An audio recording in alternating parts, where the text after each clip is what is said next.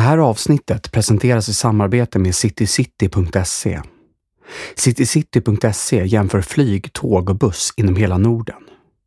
Så om du som jag har familj och vänner i andra städer i Sverige och Norden, låt citycity.se jämföra tåg, buss och flygpriser åt dig. Så spar du tid och kommer billigare undan. Om du gillar flygkatastrofer så vore jag väldigt tacksam om du vill gå in på iTunes och ge podden fem stjärnor och kanske skriva en recension. På det sättet hjälper du podden att växa och nå fler. Tack! Att flyga är säkert. Säkrare än att ta bilen till jobbet. Säkrare än att gå över gatan. Så säkert att du behöver flyga en och en halv miljon gånger för att statistiskt ens vara med om något som kan betecknas som en olycka. Men trots allt sker ibland det otänkbara. Det här är flygkatastrofer.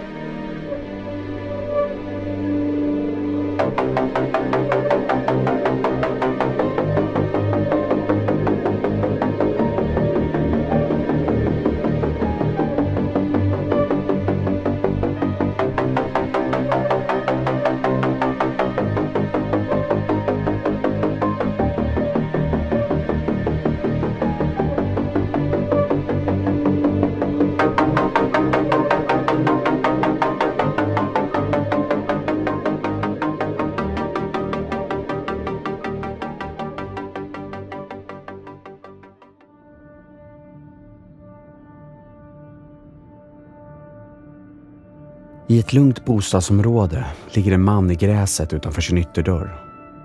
Han tar sig för bröstet. Hans vita skjorta är röd av allt blod. Mannens tre små barn ser sin pappa kämpa för sitt liv. Över honom står en annan man. I handen har han en blodig kniv. Anledningen tar sin början ett och ett halvt år tidigare. Det är den första juli 2002. Klockan är strax efter fem på eftermiddagen på Domodedovos flygplats utanför Moskva. En buss har precis kört fram till flygplatsens ingång. 45 skolbarn och 15 vuxna kan äntligen röra på benen i den varma sommarluften efter flera timmar i obekväma bussäten. Skolklasserna kommer från staden Ufa i södra Ryssland och är en del av en Unesco-sponsrad resa till Barcelona i Spanien. Unesco är Förenta Nationernas organisation för utbildning, vetenskap och kultur och deras uppdrag är att främja fred och förståelse genom utbildning.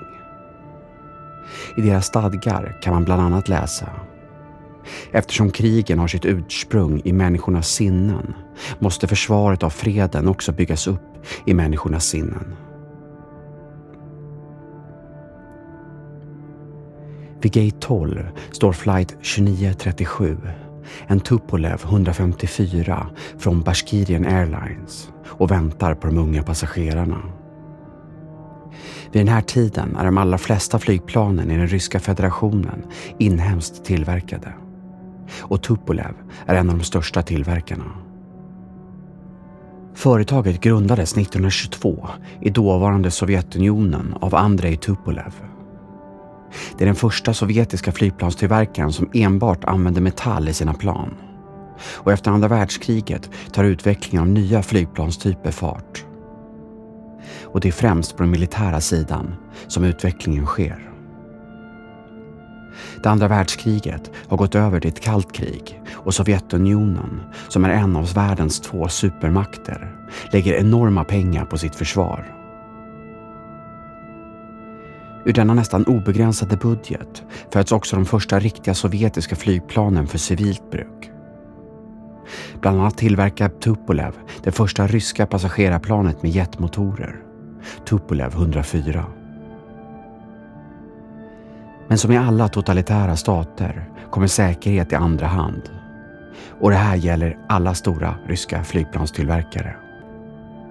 Aeroflot är Sovjetunionens statliga flygbolag och det enda som både flyger inrikes och utrikes. Mellan 1946 och 1989 är Aeroflot inblandad i inte mindre än 721 olyckor med runt 8000 dödsoffer som följd. Långt efter Aeroflot och tvåa på den här listan under samma period kommer Air France med runt 1000 dödsoffer. Dålig utbildning, undermåligt underhåll och en avsaknad av respekt för säkerhetsföreskrifter var bara några av de problem som plågade det sovjetiska civila flyget under det kalla kriget. Även efter Sovjetunionens sammanbrott kommer Ryssland och de före detta sovjetiska medlemsstaterna att fortsätta plågas av en tveksam flygsäkerhet. Mycket på grund av avsaknad av pengar för att byta ut de gamla sovjetiska planen mot nya modernare och säkrare plan från Europa och USA.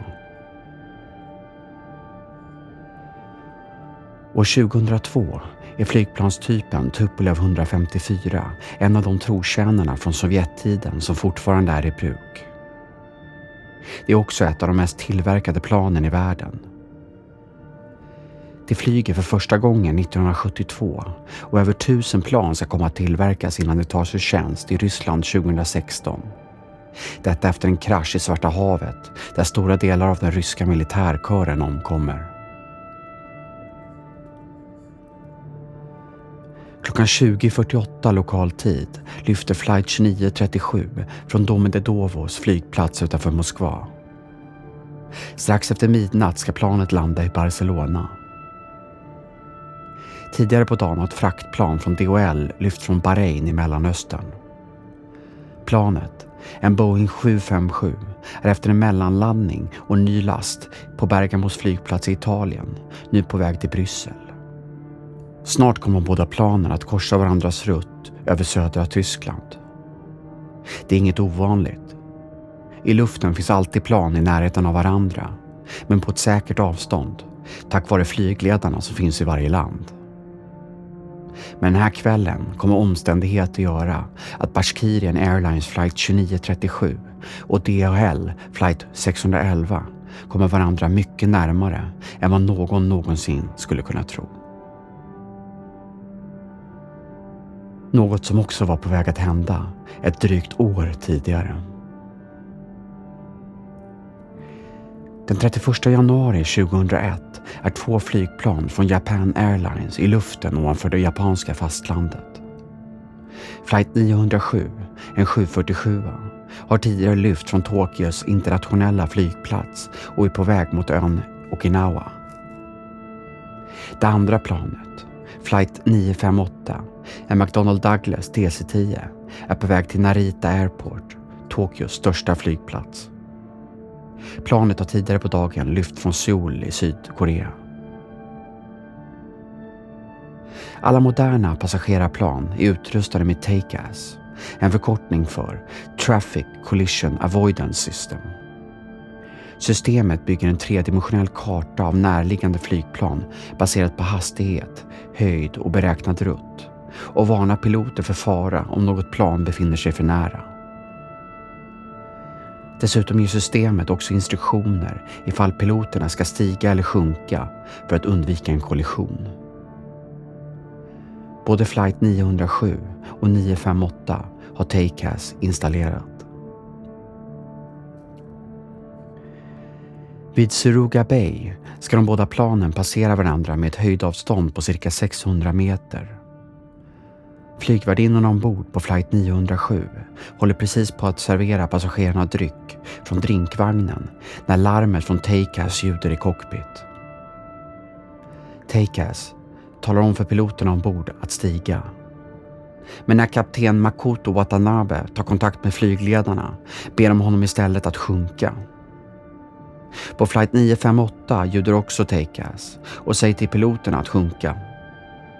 Det här betyder att båda flygplanen fortfarande är på en kollisionskurs. Flygledaren som ger instruktioner är traineen Haichi Hakitani som har ansvar för tio plan samtidigt. Han ska egentligen be flight 958 att sjunka men misstar sig och anropar istället flight 907. Haichis instruktör, som ser vad som håller på att hända, ber omedelbart flight 957 att stiga Problemet är bara att det inte finns någon flight 957 i luften. Instruktören menar flight 907. Några sekunder senare får de båda planen visuell kontakt med varandra och bara genom piloternas snabba reaktionsförmåga kan en kollision undvikas. Ombord på 747 eller flight 907 kommer ett 20-tal personer att behöva uppsöka sjukhus, några av dem med allvarliga skador. Piloternas kraftiga gir har bland annat gjort så att en äldre dam fått sitt ben krossat av en av drinkvagnarna ombord. De båda flygplanen landar säkert, men i efterspelet av incidenten ska de båda flygledarna dömas till fängelse. Dessutom slås det fast att piloter alltid ska lyssna till varningarna från TACAS före instruktioner från flygledningen. Men incidenten över Japan ett år tidigare är det sannolikt ingen som tänker på den 1 juli 2002. Klockan närmar sig nu midnatt. I Zürich sitter flygledaren Peter. Flygledningen drivs av bolaget Skyguide och den här kvällen och natten är Peter flygledare tillsammans med en kollega. Kollegan har gått på rast, vilket innebär att Peter för stunden har hand om hela luftrummet över Schweiz och gränsen mot södra Tyskland helt själv. Nätter innebär mindre flygtrafik och Skyguide har beslutat sig för att den här natten uppgradera radarsystemet. Det innebär att Peter och hans kollega måste förlita sig på ett äldre radarsystem med långsammare uppdatering av informationen på skärmen. Dessutom är det äldre systemet inte utrustat med kollisionsvarning som med två minuters förvarning upplyser flygledarna ifall två plan är på kollisionskurs. Det vanligtvis ganska lugna nattskiftet har plötsligt blivit påfrestande för en ensam flygledare. Snart blir Peter också varse om ett tyskt charterplan från Grekland som ska landa i södra Tyskland. Planet är försenat och Peter måste guida planet in mot tyska Fredrikshafen och samtidigt förvarna flygplatsen om att flyget är på väg in för landning. Detta är inget ovanligt, men innebär att han för en stund måste ha uppsikt över två radarskärmar istället för normalt en. Dessutom fungerar inte Peters telefon som han försöker ringa flygplatsen med, vilket adderar till stressen. Men den här stressen är inget som märks i konversationen när DHL flight 611 tar kontakt med honom över radion. Uh, Swiss radar, good evening, Dolman 611. Just leveling flight level 260 direct to BC. Dolman 611, squawk 7524. 7524, DHL flight 611 rör sig snabbt över schweiziskt luftrum och för att spara bränsle frågar kaptenen ombord, Carl Phillips, om de kan stiga från 32 000 fot till 36 000 fot, runt 10 500 meter. Förkortningen för höjd under radiokontakt är de tre första siffrorna i höjden. 32 000 fot blir flight level 320 och begäran om att få stiga till 36 000 fot är flight level 360. Flygledaren Peter svarar att planet kan påbörja en stigning inom de närmsta 4-5 minuterna. Delta 611, identify climb file level 320 direct tango. Climb file level 320 direct tango. I'm requesting 360 activity available. Right there, expect uh, further climb in uh, 4 to 5 minutes. 611, thanks.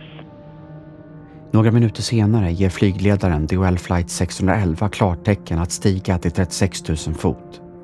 En odramatisk konversation som kommer få oanade följder. Delman 611, climb file level 360. Climb file level 360, Delman 611. Från öst håller Bashkirian Airlines flight 2937 på att äntra luftrummet som övervakas av flygledaren Peter i Zürich. Planet har nu varit i luften i drygt tre timmar. Styrmannen ombord, Oleg Grigoriev, kontaktar flygledningen och informerar Peter om deras höjd. Ett rutinartat radioanrop. Om det inte vore för att höjden flight 2937 rapporterar är samma höjd som DHL flight 611. Med den stressade situationen på Zürich flygledarcentral är det här ingenting som flygledaren Peter reagerar på och möjligen påverkar ett tredje plan som anropar flygledningen precis samtidigt Peters uppmärksamhet. Airlight 1135, descending flight level 80. Airloid 1135, Roger. Uh, call you back. Station quality again, please.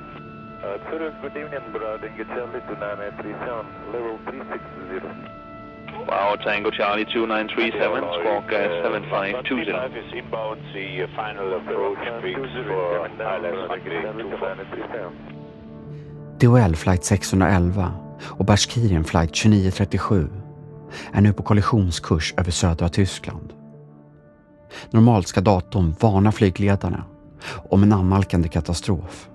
Men eftersom det ordinarie radarsystemet är nedstängt för service så ljuder det inte.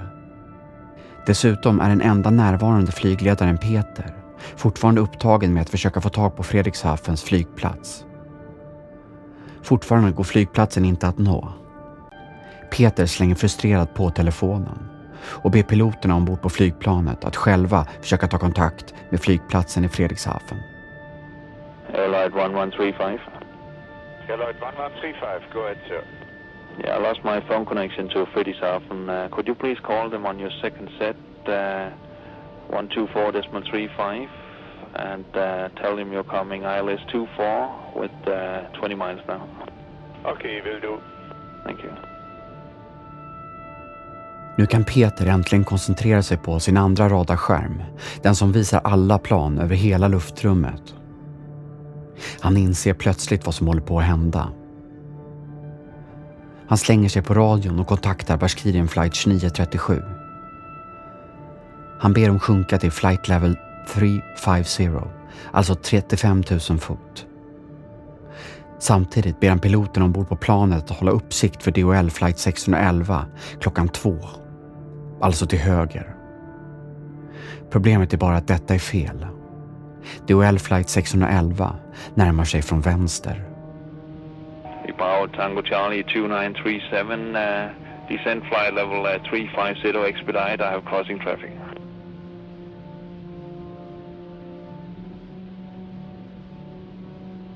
Power Tango Charlie 2937, descent level 350 expedite descent. Expedited descent, uh, level 350. It's Zurich uh, from the Airloid 1135. Yeah, we have traffic at your uh, 2 o'clock now at 360. Samtidigt ljuder ett alarm ombord på Bashkiren flight 2937. Det är planets take-ass, dess Traffic Collision Avoidance System, som talar om för piloterna att de är för nära ett annat flygplan.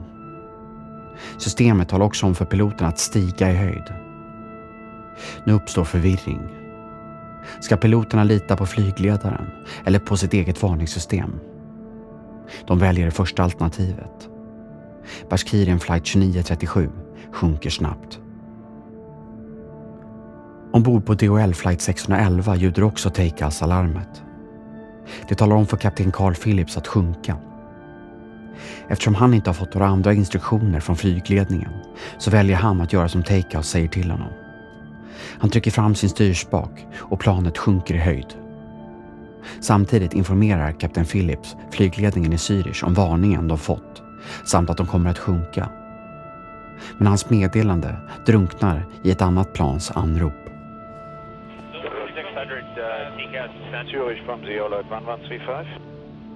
Några sekunder senare ser tredje piloten ombord Bashkirian flight 2937 DHL-planet närma sig från vänster och inte från höger.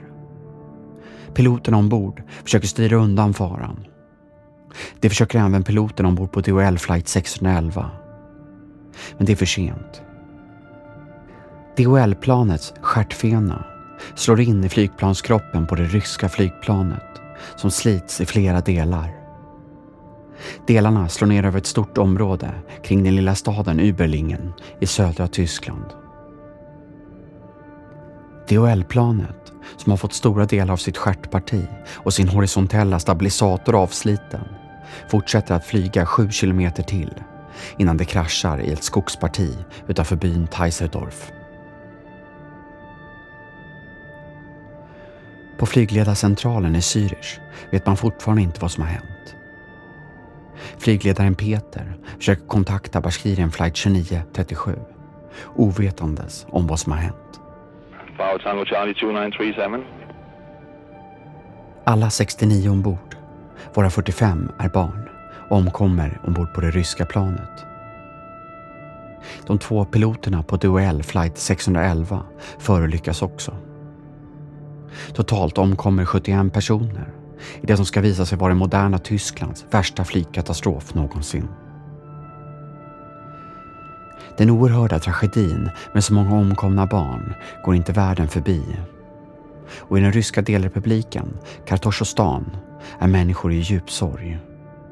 Nu vill alla veta vem eller vilka som bär ansvaret för katastrofen. Utredningen leds av Tysklands haverikommission. De kommer hitta två orsaker till kraschen. Dels kommer de lägga skulden på ägaren av flygledarcentralen i Zürich, Skyguide. Det ska visa sig att bolaget satt i system att låta en ensam flygledare sköta trafiken. Något som strider mot lagen. Dels tar de upp problemet med instruktionerna från planens kollisionsvarningssystem, TACAS. Ska en pilot lita på instruktionerna från varningssystemet? Eller ska de lyssna på instruktionerna från flygledaren? Och vad händer när dessa instruktioner skiljer sig åt? Skyguide kommer något år senare att ta på sig ansvaret för olyckan och de kommer att betala ut ett skadestånd på cirka 300 000 kronor till anhöriga till de ryska skolbarnen. Skyguide kommer även att ställas till svars i en rättegång där åtta personer, varav fyra från företagets ledning, åtalas för dråp. Tre kommer att dömas till villkorlig dom, en fjärde till skadestånd och resten frias. I den ryska staden Ufa följer pappan Vitali efterspelet i kraschen.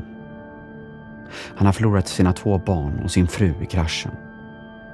För honom är skuldfrågan klar. Det var personen som hade ansvaret för trafiken kvällen den 1 juli som bär ansvaret. Och han tänker ta lagen i egna händer. Peter, flygledaren som tjänstgjorde den här kvällen, kommer att sjukskrivas för posttraumatisk stress under de nästkommande två åren. Och han kommer leva ett stillsamt liv i förorten Kloten tillsammans med sin fru och tre barn.